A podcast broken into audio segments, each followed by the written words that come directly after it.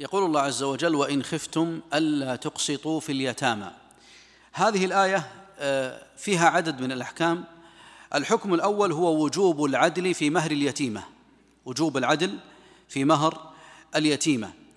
وصورة ذلك أن أهل الجاهلية كانوا بعضهم إذا كانت عنده يتيمة متربية في حجره ثم كبرت وأعجبته وأراد الزواج منها فإنه لا يعطيها مهر المثل لا يعطيها مهر المثل وإنما ينقصها في المهر ينقصها في المهر. فجاء القرآن بوجوب إعطاء اليتيمة. ثم قال جل وعلا وإن خفتم ألا تقسطوا في اليتامى فانكحوا ما طاب لكم من النساء. هذا الحكم الثاني وهو ماذا؟ جواز ولا وجوب؟ جواز التعدد جواز التعدد والزواج مثنى وثلاثة ورباع مثنى وثلاثة ورباع. طيب هنا جاء القرآن بالاقتصار على أربع زوجات. جاء القرآن بالاقتصار على أربع زوجات. قال مثنى وثلاثة ورباع. أهل الجاهلية هل كانوا ملتزمون بهذا العدد؟ هل كانوا ملتزمون بهذا العدد؟ كانوا يتزوجون إلى عشرة أو أكثر. هل رفع ما كان عليه أهل الجاهلية يسمى نسخا أو لا؟ هل هذه الآية ناسخة أو لا؟ ها؟ ناسخة؟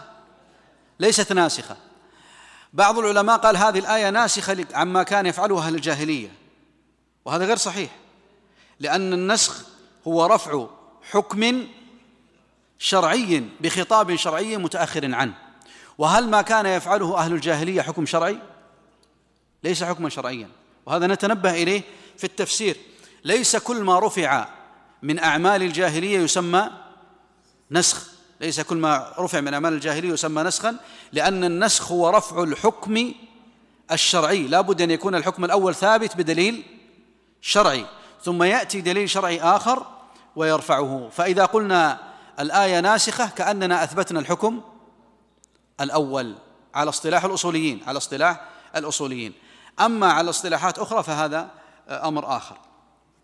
طيب. هنا أيضا يقول الله عز وجل في الحكم آه، الثالث فإن خفتم ألا تعدلوا فواحدة.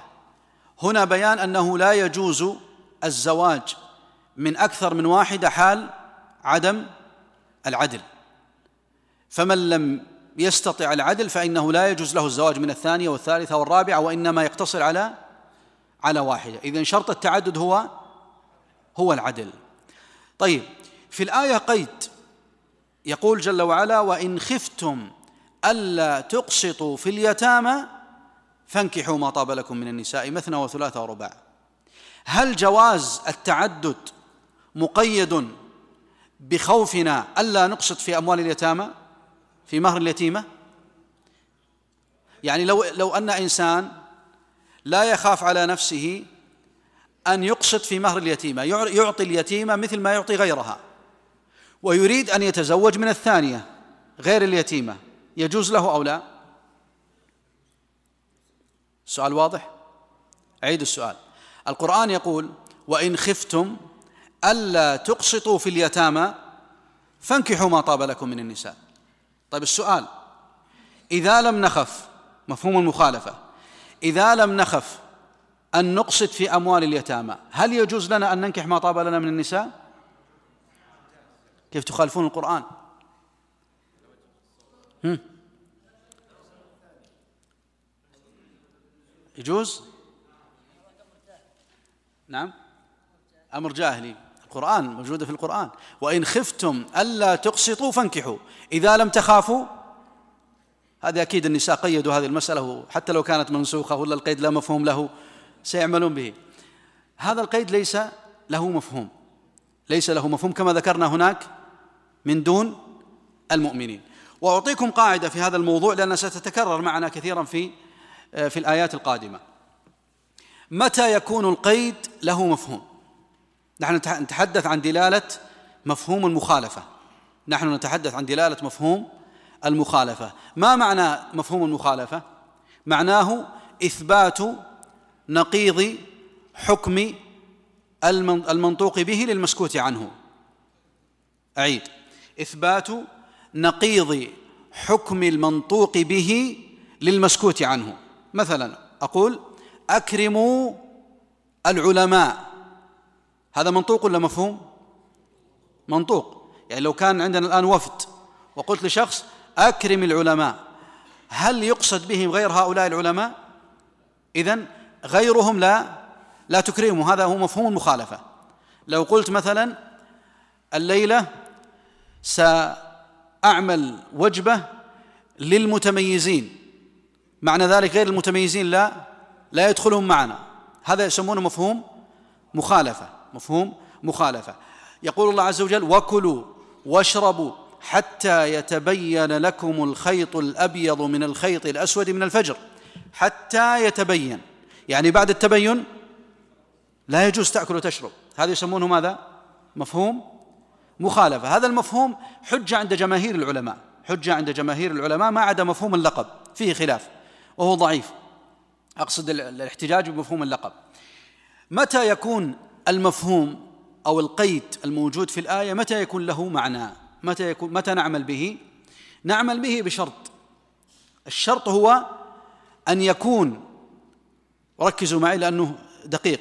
أن يكون تخصيص القيد بالذكر أن يكون تخصيص القيد بالذكر لكون الحكم مختصا به.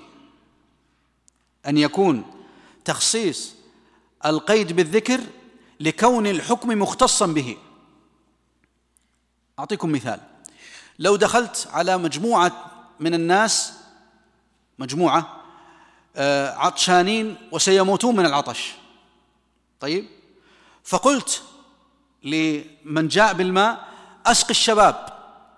هل أنت تقصد أن الشيبان خليهم يموتون؟ هل تقصد هذا الشيء؟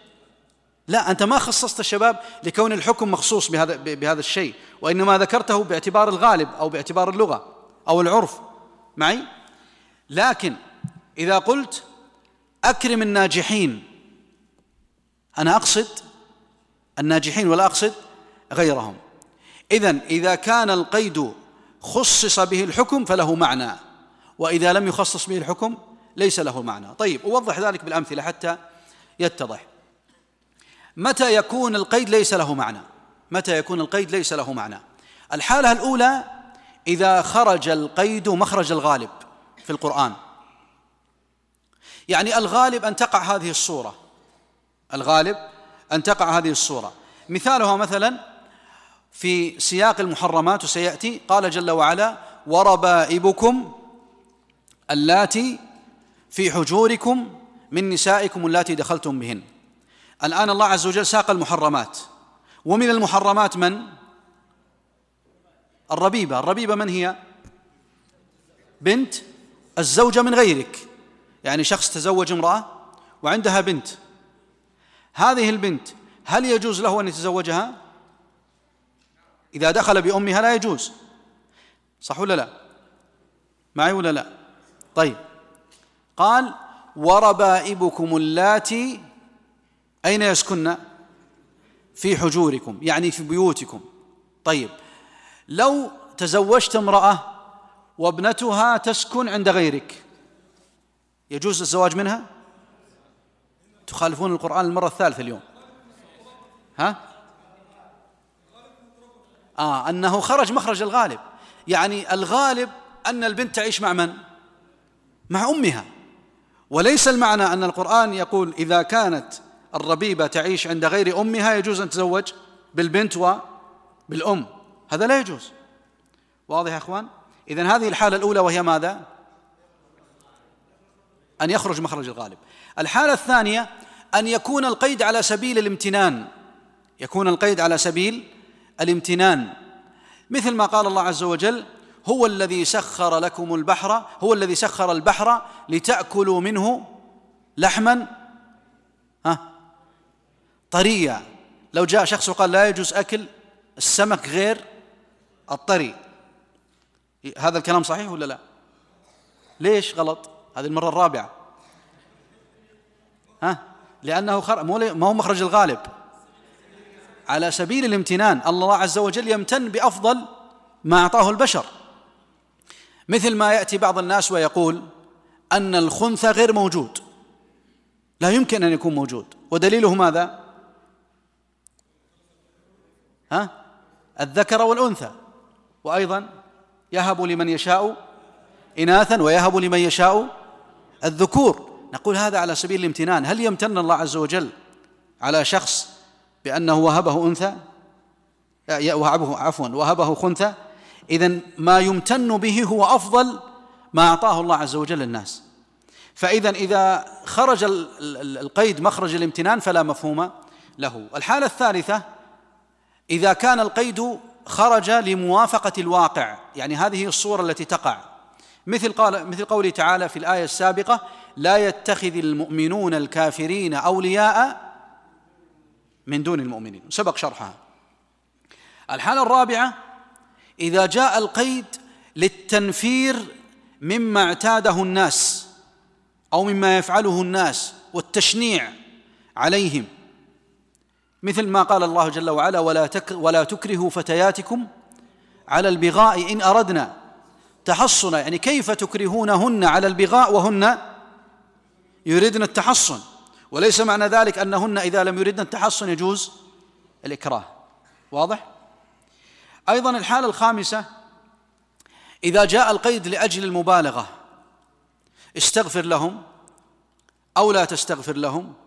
إن تستغفر لهم سبعين مرة فلن يغفر الله لهم. هل لو استغفر واحد وسبعين مرة يغفر الله لهم؟ وإنما على سبيل المبالغة. أيضا أن تكون أن يكون القيد جاء لأن البلوى وقعت بهذا الشيء. يعني الوقائع كثرت لأجل هذا الموضوع. كما قال تعالى ولا تقتلوا أولادكم خشية إملاق. لو خرجنا من المسجد لقينا واحد الآن يقتل ولده. قل يا أخي حرام ما ما يجوز تقتل ولدك خشية إملاق. قال لا الحمد لله أنا غني. لست بفقير. هذا يجوز يقتل ولده؟ طيب والقرآن يقول خشية إملاق. هنا جاءت الآية لأن البلوى وقعت بذلك. طيب. إذا هنا الآية لما جاء قول الله عز وجل وإن خفتم ألا تقسطوا في اليتامى فانكحوا ما طاب لكم من النساء ليس المقصود أنه إذا لم يتحقق الشرط لا يجوز التعداد واضح؟ ما هو الشرط هنا؟ وإن خفتم ألا تعدلوا إذا يجوز الزواج من أكثر من امرأة حتى لو استطاع الإنسان أن يدفع لليتيمة مهرها كغيرها آه، أيضا قال جل وعلا فإن خفتم ألا تعدلوا فواحدة أو ما ملكت أيمانكم يدل على أن على أن ملك اليمين لا يجب القسمة بينهم بالعدل. ملك اليمين ليسوا كالحرائر.